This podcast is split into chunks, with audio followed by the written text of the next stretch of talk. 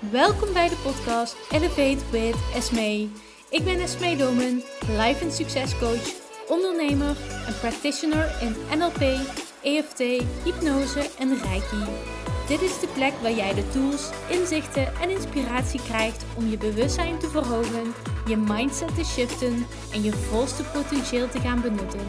Het is tijd om te ontdekken welke patronen en overtuigingen je tot op het heden hebben tegengehouden, zodat jij weer kan connecten met je authentieke zelf en een leven kan creëren met meer geluk, zelfvertrouwen en zelfliefde. Kortom, de kort en krachtige podcast over zelfontwikkeling om je aan het denken te zetten.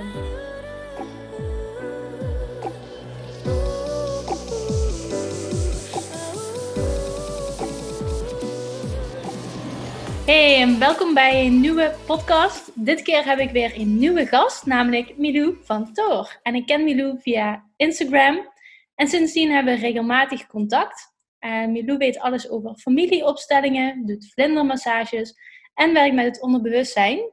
En ik ga hier zo alles over vragen. Maar allereerst, welkom Milou in mijn podcast. Dankjewel. Hoe gaat het met je?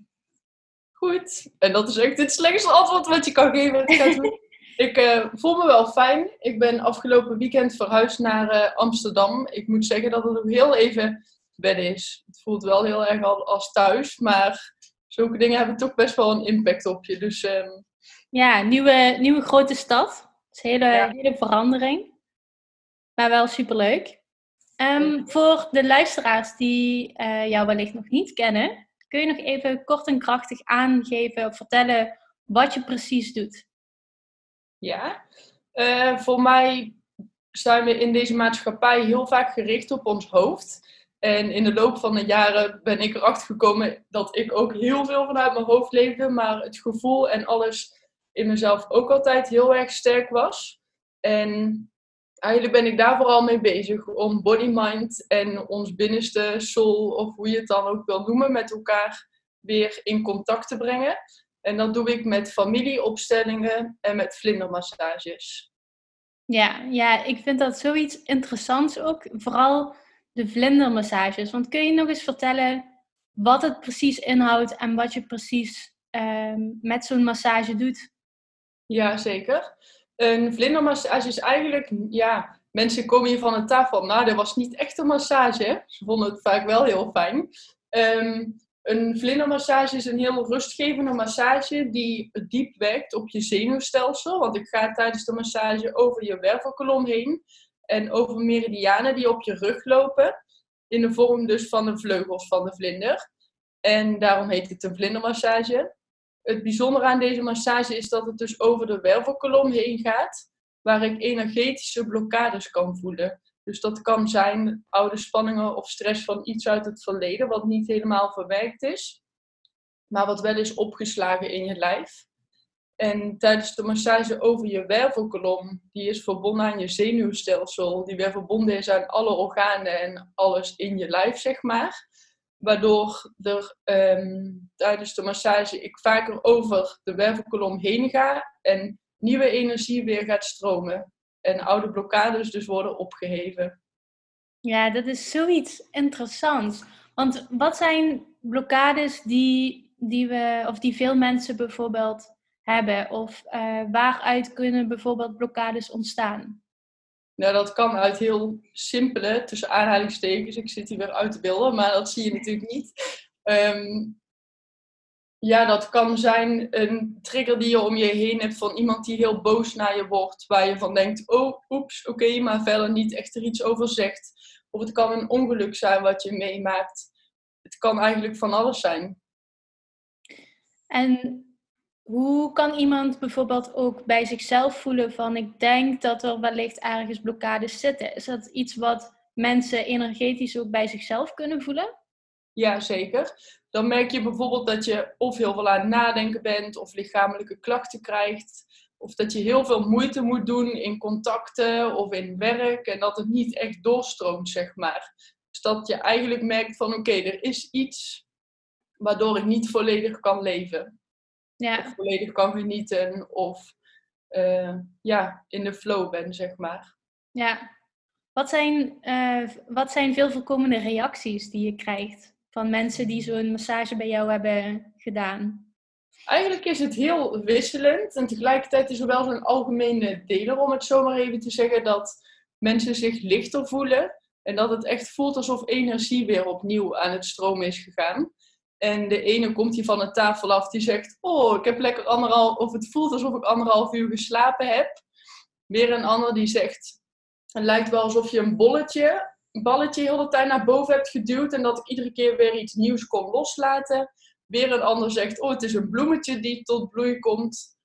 Uh, ik heb ook wel eens een keer een man gehad die had net hard gelopen s'morgens en ik raakte iets aan op zijn rug en die zei: Wow, ik voelde in één keer alle energie naar mijn benen stromen.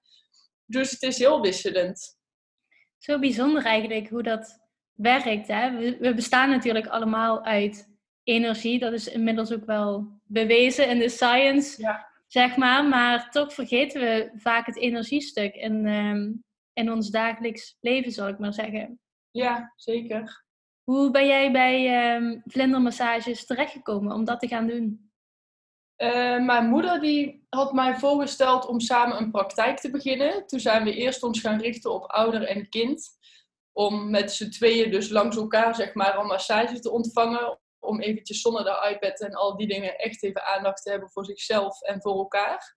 En toen hebben we dat dus geleerd. En zo ben ik er eigenlijk ingekomen. Ja, wat leuk. Leuk ook om samen met je moeder te kunnen doen. Ja, zeker. Dat was fijn. Want ik had begrepen, jij je hebt familieopstellingen heb je voorheen ook met uh, je moeder of ouders gedaan, toch? Ja. Samen. Met mijn moeder in een groep heb ik gezeten. En uh, dat was ook wel bijzonder. mensen reageren, huh, doe je dat? En andere mensen vinden het juist heel mooi en magisch dat dat gewoon kan. Uh, ik heb echt wel een heel open band met hun, dus dat is super fijn. Tegelijkertijd komen er tijdens zo'n familie, ja, tijdens een familieopstelling en die opleiding kwam je gewoon heel duidelijk achter patronen die er zijn. En uh, aan het einde heb ik dus ook besloten om praktijk Lucky dus op mijn naam te zetten en zelf door te gaan. Ja, interessant. Want eigenheid. voor mensen die nog niet goed weten wat familieopstellingen zijn, hoe zou je dat uh, op een simpele manier kunnen uitleggen? Um, het is zo dat we allemaal vanuit onze vader en moeder, de biologische vader en moeder, geboren zijn. En dat we eigenlijk een hele waaier aan allemaal voorouders achter ons hebben staan. Of voor ons, ligt me net aan hoe je er tegenover staat. Maar uh, je, je, ouders en daarachter weer jouw opa's en oma's. En daarachter weer de ouders van jouw opa's en oma's. Eigenlijk is het zo dat wij uiterlijkheden meekrijgen maar ook innerlijke dingen. Dus dingen die in het verleden gebeurd zijn, heftige gebeurtenissen bijvoorbeeld. En in het verleden waren er nog veel meer taboes dan er nu zijn. Ehm, die zijn er geweest. En dat waar niks mee is gedaan, zeg maar, kan nog mee worden gegeven naar volgende generaties. Dus jouw ouders hebben jou op een bepaalde manier opgevoed, omdat zij ook gevormd zijn door hun ouders, die weer gevormd zijn door hun ouders. Um, en in een familieopstelling, of een familieopstelling doe je op het moment dat je ergens tegenaan loopt in het dagelijks leven en een patroon bij jezelf herkent, geen grenzen aan kunnen geven, moeite hebben met nee zeggen en bijvoorbeeld je verbinden aan andere mensen en echt een lange relatie bijvoorbeeld aan kunnen gaan, kan heel goed duiden op iets wat bij jou in het verleden is gebeurd of iets wat in jouw familiesysteem zit. En in een familieopstelling ga je dus kijken naar de oorsprong van dat waar jij tegenaan loopt. Ja, ja, heel interessant. Ik herken daar ook heel veel uit vanuit NLP, waar natuurlijk ook uh, ja, met het onderbewustzijn wordt gewerkt. En dat het ook ja. dus generaties kan uh, worden doorgegeven. Ook door hoe je opgevoed wordt. En vaak dus inderdaad met die onbewuste patronen. Hoe kan iemand bij, um, als hij zijn eigen familiesysteem zou willen onderzoeken bijvoorbeeld, waar zou diegene dan moeten beginnen? Eerst kun je eens bewust gaan kijken van, uh, ik vond dat best interessant om te gaan kijken naar zo'n genogram of dat je een familieboom maakt. Zo'n, en dan kun je daar bijvoorbeeld kijken van, uh, ik heb wel eens van iemand gehoord dat die in het familiesysteem bijvoorbeeld hadden dat er in iedere generatie jonge personen waren overleden. Dus dat is al een patroon. Hmm. En zo kun je gaan kijken van, hey, zijn er specifieke dingen, bijvoorbeeld in eh, mijn leven, in het leven van mijn ouders, waar steeds een andere generatie, of misschien eentje niet, zeg maar, eh, waar het steeds terugkomt. Hmm, dat is een hele interessante. Zo had ik er inderdaad helemaal niet naar gekeken. Ik werk natuurlijk zelf ook heel veel met die onbewuste patronen. En waarin je dus ook gaat kijken van wat heb je daarin van je ouders overgenomen. Maar het is wel een hele mooie om dat inderdaad voor je hele familieboom eens terug te gaan doen. En niet alleen te kijken naar wat speelt er in jouw leven qua patronen, of zoals niet grenzen aangeven, dat soort dingen. Maar ook wat is er letterlijk gebeurd Ja. in jouw familie. Ja, want alles wat er is gebeurd heeft invloed op hoe we in het hier en nu zijn. Ah ja, dat is echt een hele interessante. En nu realiseer ik me, oh, dit heb ik ook helemaal nog nooit zo uit mijn hoofd in één keer gedaan. Of uit mijn hoofd. Of eh, heb ik niet in één keer zo benoemd. Dus dit is wel echt een, eh, dit is wel een mooie oefening om meer mensen mee te gaan geven. Ja. Ja, hele mooie oefening. Wat zijn voorbeelden van dingen die je echt kunt leren uit de relatie met je ouders bijvoorbeeld? Van je vader leer je bijvoorbeeld heel erg dus grenzen aangeven en jezelf echt een plek geven in de wereld. En van je moeder, of de relatie die je met je moeder hebt, die geeft aan hoe jij in relatie bent met andere mensen. Dus met eh, ja, connecties om je heen. Dat Ja. is, zijn- is één van de dingen. Tegelijkertijd is het heel erg interessant om te kijken of je vader bijvoorbeeld heel druk was toen jij een kind was. Of dat je moeder zich stiekem alleen voelde, waardoor jij meer als vriendin van je moeder bent gaan fungeren dan dat je echt het kind was. Dus dat zijn heel interessante, ja, eh, hoe moet ik het zeggen? Interessante dingen die echt wel invloed hebben op jou en het hier en nu.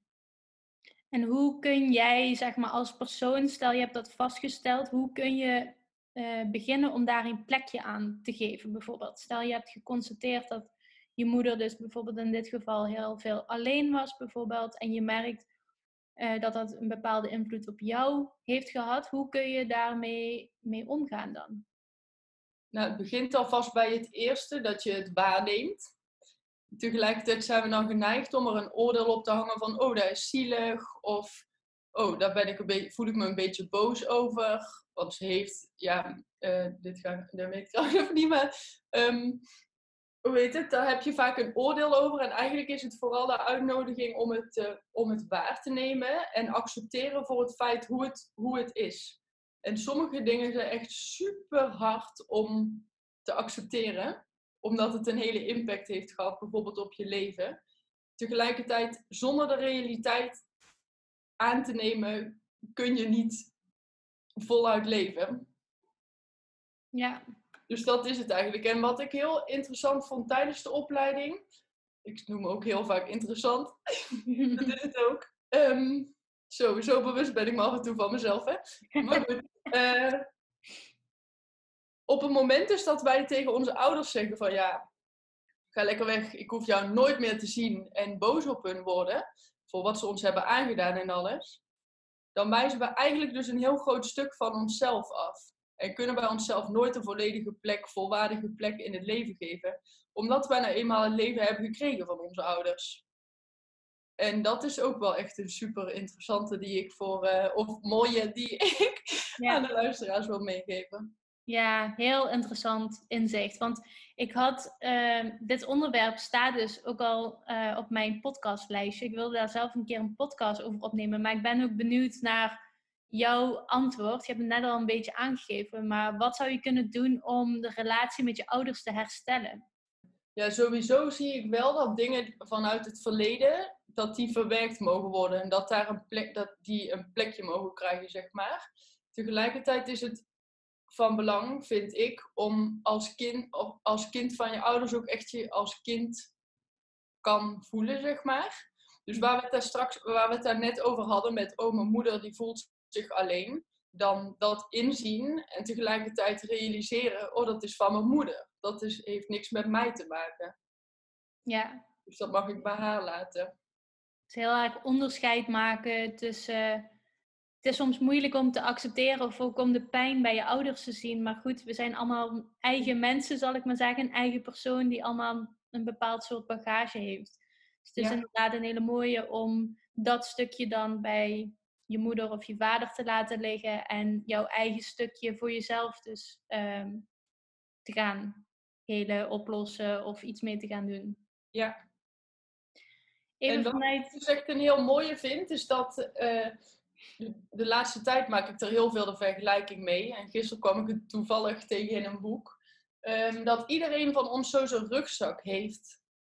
En daarin zit je, je lot, zo noem ik het eventjes. Je lot is eigenlijk dat wat maakt dat jij de persoon bent wie je nu bent. En op het moment dat we in het dagelijks leven, dus nu, nu we het over onze ouders hebben, zeggen van, oh mam, je voelt je alleen, kom maar, ik ga wel eventjes dit en dit met je doen, zodat je je minder alleen voelt, haal je eigenlijk een, iets van bagage uit haar rugzak en stop je in jouw eigen rugzak. Waardoor jouw rugzak eigenlijk zwaarder wordt, waardoor de rugzak van je moeder lichter wordt. En dat, je, dat zij eigenlijk niet de kracht kan dragen die ze eigenlijk mag dragen. Snap je wat ik bedoel? Ja, ik snap heel goed wat je bedoelt. Ja. En dat doen we in het dagelijks leven ook door bijvoorbeeld er heel erg te zijn voor een vriend of vriendin die niet lekker in zijn vel zit, of een relatie. En dan uh, te denken te moeten oplossen voor de ander. En dat kan voor een korte tijd, tot het jezelf bijvoorbeeld gaat op, ja, als het goed voor je voelt, zeg maar, en niet over je grenzen heen gaat. Tegelijkertijd is het wel echt heel mooi om je te realiseren dat je niet altijd helpt. Ik hou sowieso niet, van, niet zo heel erg meer van het woord helpen. Uh, door iets van iemand anders over te nemen. Ja, dat is ook een heel mooi inzicht inderdaad. Vooral met die visualisatie met het rugzakje erbij. Ja. Dat je soms zoveel van andere mensen in je eigen rugzak stopt dat je gewoon overloopt en het niet meer kan dragen, letterlijk. Ja. Ja, dat is ook echt een heel mooie, mooie inzicht. En vaak als we dan geneigd zijn om dan in één keer niet meer tegen je moeder ik neem, noem maar iedere keer even dat voorbeeld, omdat we daar al op bezig waren. Dus in, in één keer gaat zeggen tegen je moeder, nou, je vraagt mij om vanavond mee film te gaan kijken. Alleen heb ik behoefte aan film te kijken in mijn eentje bijvoorbeeld. Dan kun je je heel erg schuldig gaan voelen. Omdat je dan in gedachten je moeder natuurlijk daar beneden in haar eentje ook film ziet kijken. En dat ze zich dan alleen voelt. En dat schuldgevoel wat we dan gaan krijgen, dat hoort er helemaal bij. Want zonder dat schuldgevoel kun je niet groeien. Dus dat is wel echt een goede om te realiseren. Dat, uh, ja, dat dat erbij hoort. Is dat dus net als boosheid dan... en pijn die je voelt, die horen ook bij het leven. En als we die niet ervaren, dan kunnen we ook nooit zoveel plezier en genot ervaren in het leven als dat we niet zwart en wit, zeg maar, allebei voelen of ja. Ja, dus eigenlijk even dat je door dat schuldgevoel heen moet eigenlijk. Om vervolgens ook ja, daarna um, ja, wel je eigen geluk te ervaren daarin dan. Ja. En tuurlijk kun je af en toe dingen doen hè, die even niet goed voor je, niet goed voor je voelen. Um, als je dat heel lang blijft doen, dan ga je jezelf gewoon overlopen. Ja, interessant. Echt heel uh, mooie inzichten. Even vanuit in... En wat, jij vroeg net, wat kunnen mensen zelf doen? Ja. Um, ja, daar hebben we eigenlijk al wel die ene opdracht dus is wel mooi. Met dat je gaat kijken van oké, waar zitten heftige gebeurtenissen in mijn familiesysteem? En daarna dus gaan kijken van oké, kan heb ik echt kind kunnen zijn van mijn ouders of heb ik onbewust ook voor hun gezorgd? Dan dat dus waarnemen, proberen zonder oordeel. En dan is te gaan kijken of je dingen liefdevol ook weer bij de ander kan laten. Maar hoe kun je het zeg maar weer terugleggen bij je ouders? Want je, je hebt natuurlijk geen invloed op je ouders en wat zij doen of hoe zij reageren. Hoe ga je dan bijvoorbeeld om met ouders die dat nog niet doorhebben van zichzelf? Dat is een goede. Iedereen heeft zijn eigen verantwoordelijkheid. En jij als kind kan helemaal niks voor je ouders veranderen of hun aanpassen. Het enige wat je vaak kan doen is jouw eigen visie en jouw eigen gedrag aanpassen. Dus op het moment dat je iets merkt, dan kun je het daarna gewoon ja, in woorden brengen, misschien wel, naar je ouders toe. Als je merkt dat je ergens tegenaan loopt. Van, oh, ja, wat ik net dus eigenlijk zei, van nou, ik merk dat uh, je wil, graag wil dat ik met jou iets ga doen Alleen ik heb daar nu geen behoefte aan uh, ja, dat je het zo doet. Ja, dus eigenlijk heel goed je grenzen dan gaan aangeven. Ja. eh, volgens dat stukje kind dat jij dan, eh, of die rol die je dan op je neemt. Ja. Hmm, interesting. Even vanuit een, een spiritueel eh, view, zeg maar. Geloof jij dat je je ouders kiest? Mm. Vind ik echt altijd een heel lastige. Geloof ik, dat, ik geloof in ieder geval wel dat niks voor niks gebeurt. Dus dat, alles, dat ongeveer alles wel een reden heeft om je dingen te leren. En ja, misschien dus ergens wel dat je het kiest. Waarom zouden het anders je ouders zijn? Ja. ja, ik vind dat ook wel altijd een mooi inzicht. Of ehm, om vanuit daar ook te gaan kijken van... Oké, al stel dat ik hiervoor gekozen heb, wat kan ik er dan van leren? Ja, zeker. Dus wat dat betreft, ja, vind ik het altijd wel een interessante vraag. Ehm, iets waar jij ook wel vaker mee werkt natuurlijk, denk ik in ieder geval vanuit familieopstellingen, is het innerlijk kind. Mhm. Hoe zou jij innerlijk kind uitleggen? Hoe zou ik innerlijk kind uitleggen? Als ik bijvoorbeeld naar mezelf kijk en me angstig voel op bepaalde momenten. Bijvoorbeeld, ik heb heel lang moeite gehad in grote groepen of om dan de aandacht te trekken als ik bijvoorbeeld iets belangrijks wil gaan vertellen of zo.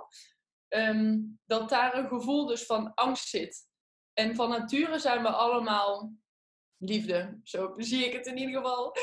Eh, maar je wordt gevormd door dingen die je in je dagelijks leven meemaakt. En die gewoon impact hebben gehad op je leven. Dus ook hoe je bent opgevoed. En dan kan het heel vaak zo zijn dat je eigenlijk niet echt vanuit liefde meer in een bepaalde situatie handelt. Maar dat angst bijvoorbeeld de overhand neemt. En ik zie wel vaak dat angst of verdriet, dat dat oude pijnen zijn. Dus dat het je herinnert aan een eerdere gebeurtenis bijvoorbeeld. Die soms niet eens in het bewustzijn kan liggen, maar ook onbewust in ons kan zitten. Dus zo zie ik het eigenlijk. Ja, ja. mooi eh, inzicht ook weer. Ik leg het zelf in mijn programma ook wel eens uit vanuit dat je als kind soms ehm, dat bepaalde behoeften die je als kind had, niet helemaal vervuld eh, Ja. zijn. Op Ja. dat moment, het kan door hele kleine dingen zijn en het, het is vaak komt het inderdaad op liefde neer, waardoor je later dus vanuit die angst of verdriet nog gaat handelen. Mhm. Hoe kan iemand voelen eh, bij zichzelf van wat hij als innerlijk kind nodig heeft? Nou, ik denk dat we heel vaak eigenlijk veiligheid en liefde nodig hebben. Dat, of in ieder geval, zo voelt het voor mij alsof dat twee heel basisbehoeftes zijn. Of het is bijvoorbeeld duidelijkheid waar je nodig en wat je nodig hebt. Dus het is heel mooi om dan te gaan kijken van oké, waar heb ik eigenlijk behoefte aan? Wat triggert het mij zo? Zoals ik bijvoorbeeld in contact ben met mijn vriend en ik verwacht iets. En het wordt één, hij reageert op een andere manier dan ik eigenlijk had verwacht dan mis ik waarschijnlijk een stukje aan communicatie of aan duidelijkheid. Dus dan heb ik dat nodig. Dan heeft dat binnenste van mij dat nodig. Ja, en dan is het juist heel belangrijk om, om die duidelijkheid te vragen in plaats van te reageren vanuit het stukje wat bij jou pijn doet, bijvoorbeeld. Ja, dan denk ik, ja, hoezo doe je dit iedere keer? Ja. Oh, Waarom doe je me dit aan? Oh nee, ik heb eigenlijk behoefte aan communicatie. Zullen we even bellen? Oh ja, dat is goed. Ja. Ja. Ja, dat is inderdaad wel een betere aanpak. Ehm, heb jij nog andere tips ehm, voor als iemand tegen bepaalde patronen aanloopt? Ja, je kan eens gaan registreren sowieso voor jezelf op papier bijvoorbeeld. Van op welke momenten loop ik hier tegenaan en wat ligt eronder. Is er bijvoorbeeld een angst die ik voel om er dan niet bij te horen of om niet gezien te worden? Of ehm, mis ik dan een stukje veiligheid? Ja, zo zijn er heel veel meer verschillende behoeftes. Dat kan sowieso. En daarnaast, ja, ik voel ook heel sterk dat je niet alles alleen hoeft te doen. Dus op het moment dat je ergens tegenaan loopt, dat je of in gesprek kan gaan met een vriend of vriendin of iemand als een coach waar je je fijn bij voelt, waar je hiermee de diepte in kan gaan om te kijken van hé, hey, waar komt het vandaan? En want dat is wel het gevaar tussen aanhalingstekens. We zijn dan nog steeds heel erg geneigd om het met ons hoofd op te lossen. Terwijl het heel vaak zoiets diepers is En op het moment dat we het ons met ons hoofd gaan oplossen, dan komen we waarschijnlijk daarna in een andere situatie weer hetzelfde thema tegen. Misschien dan in een andere vorm. Maar wel weer op een, bepaalde, op een bepaald moment in je leven dat je grenzen bijvoorbeeld moet aangeven. En dat het je niet lukt, omdat het vaak zoiets zit, wat zo diep zit, wat je met je hoofd vaak niet kan oplossen. Dus er is vaak iets anders nodig met meditatie, met visualisatie, met een opstelling, met wat jij doet bijvoorbeeld, met een hypnose. Dat kan van alles zijn. Maar voor mij is het wel echt een ding dat je niet alles maar met je hoofd wil oplossen. Dat het zo mooi is om je lijf ook gewoon als instrument te gebruiken. Want ons lijf is zo wijs. Mhm. Ik Ja. kan nu bijvoorbeeld tegen jou zeggen: Oh nee, ik vind het niet spannend. En ondertussen zie je mij heel de tijd hier. eh er is nu even niet het geval, want ik voel me vrij relaxed. Maar eh, dan zie je aan de lijf wel gewoon: Oh nee, die heeft echt super rode wangen. En ze lijkt wel alsof ze een beetje een brok in de keel heeft. Dus je lijf kan nog veel beter vertellen hoe het met je gaat dan dat je hoofd vaak doet. Ja, Dan. ja, je lichaam reageert natuurlijk ook op wat er onbewust speelt, wat je ratio niet altijd direct kan, eh, kan plaatsen of zo. Zeker. Wat, eh, heb je nog andere tips om meer connectie met je lichaam te maken? Buiten meditatie bijvoorbeeld, of visualisatie. Mij helpt het om te schrijven, maar dat is ergens ook wel weer een beetje vanuit je hoofd, of in ieder geval dat je wel weer eh, dingen wil gaan begrijpen. Ehm, wat mij helpt is de natuur ingaan. Mij helpt het ook heel erg om muziek te luisteren, om te dansen. Dat heeft ook echt heel veel bij mij in beweging gebracht. Dan ga ik waarschijnlijk binnenkort ga ik met een eh, Marianne Zuur heet zij. Die werkt ook met opstellingen. Gaan we dansopstellingen doen. Dus dan gaan we dat combineren met elkaar. Oh, daar heb ik zoveel zin in. Ons, ja, gewoon echt je lijf weer inkomen en contact maken met. Mij helpt het altijd heel erg om een hand op mijn hart te leggen en één hand op mijn onderbuik. Bewust ademhalen doet heel veel. Dat is Ja. natuurlijk ook de key of life ongeveer. Goeie, goeie tips. Welke, je noemde net al, net al even iets, het dansen in combinatie met familieopstellingen. Echt super interessant. Welke plannen heb je verder nog voor de toekomst? Of waar ga je je nog op focussen? Sowieso wil ik veel meer, want ik merk nu dus dat ik die vlindermassages veel aan het geven ben. En dat ik daarin zo erg een, eh, de combinatie en echt mijn uniekheid zeg maar, erin aan het vinden ben. In het combineren met familieopstellingen. Dus vaak is het ook zo, kijk, ons lichaam vertelt dus heel veel. En ik ben bezig in een boek van Connie van der Arendt over systemisch werk via het lijf. Eh, waarbij je dus heel goed kan leren lezen wat er zeg maar op een onbewuste laag leeft in iemand. En dat wil ik sowieso meer gaan uitbouwen. Meer met het lichaam werken ook. En eh, Ja. Zeker. mooie, mooie focus. Ja, dus nog meer de verdieping in en voor mezelf nog meer de theorie en alles eigenlijk. Want vaak zijn we in het leven geneigd van, oh, dan heb ik dit gedaan, dan ga ik weer verder. Terwijl het ook juist heel erg mooi is om eens te gaan kijken van, hé, hey, maar wat kan ik hier nog meer over leren? Want over alles is denk ik meer te leren dan we in eerste instantie soms doorhebben. Ja, vaak, vaak willen we meer, meer, meer in de brede zin leren, terwijl Ja. we ook meer de diepte op bepaalde onderwerpen kunnen gaan, waar je dus ook Ja. meer kan leren. Maar Ja. ja, interesting. Ja, ik werk dus voornamelijk nu één op één met massages. En eigenlijk vind ik het nog het mooiste om ook echt weer meer in groepen te gaan werken. Dus ik heb ook nog op de planning staan eh, om met wat andere mensen samenwerkingen aan te gaan. Om echt een groepsverband te gaan creëren met eh verschillen, ja, bijvoorbeeld met yoga en dan opstellingen. Of in ieder geval wel echt het lichaamswerk te gaan combineren. Ook als het allemaal mag. Van eh, de coronaregeltjes en zo. Om, ook gewoon met een groep en in verbondenheid met elkaar de diepte in te gaan. Ja, ik denk zelf dat, ook al kan het nu nog even niet in groepen, ik denk echt dat het helemaal terug gaat komen. Want die, juist die connectie en ook die persoonlijke connectie die je offline kunt maken, ook al doen we nu superveel online natuurlijk, maar Ja. die offline connectie en die verbinding, die gaat denk ik nog mega belangrijk zijn. Ik denk Ja. dat het meer terugkomt dan ooit. Ja, Ja, dus eh, heel mooi. Mooie, mooie plannen voor de toekomst. ja. Ehm, mijn laatste vraag aan jou. Ehm, welk advies zou jij je eh, vroegere zelf geven? Wees lief voor jezelf. En luister maar naar jezelf in wat je diep van binnen voelt. En dat is een eh, lastig omdat je vaak gewoon bij een groep wil horen. Of dat je eh, ja, begrepen en gezien wil worden.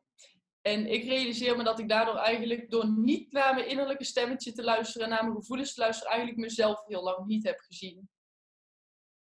Ja, herkenbaar. Ja, Ja, als je het, toch, als je het over zou kunnen doen met de kennis die je nu hebt, dan eh, zou je soms zoveel dingen anders doen. Maar goed, het heeft je natuurlijk ook wel weer gevormd tot wie je nu Ja. bent. zeker. Ja, maar ik vind dat wel een interessante vraag, omdat je er ook wel leuk advies voor anderen weer uithaalt. Ja, Ja, top. Superleuk. Ik, eh, tot nu toe hebben we echt mooie inzichten, denk ik, al uit deze podcast gehaald. Ja. Heel veel mooie tips. ik ga hem ook nog een keer terugluisteren, want soms kun je in één keer verbazen van jezelf. Huh? Ja, dus er zitten denk ik wel echt een paar hele mooie inzichten in. Dat als je het luistert, dat je denkt, oh ja, oh ja. Ja. In ieder geval, dat heb ik zelf ook wel tijdens deze podcast gehad. Dat ik dacht, oh ja, zo had ik het nog nooit bekeken inderdaad. Dus ehm, super interessant. Dus bedankt dat je in mijn podcast aanwezig wilde zijn als gast. Ik zal onder deze podcast sowieso heel even eh, alle linkjes naar jouw Instagram en website ook erbij zetten. Dat als mensen het interessant vinden om een keer familieopstellingen te doen, dat kan ook online, toch? Ja, in ieder geval een eerste kennismaking ermee. En voorna, verder vind ik het toch fijner wat jij net zei, om echt af te spreken en dan te gaan werken. En dat kan één op één of met een groep. Ja, leuk. Ik zal het hieronder even linken, mochten mensen er meer over willen weten. Of ook de vlindermassages, wat super interessant is om een keer eh, te ervaren. Ja, En dan voor nu bedank ik jou voor het interview. En aan alle luisteraars zeg ik weer super bedankt voor het luisteren en tot de volgende. yes. Doei.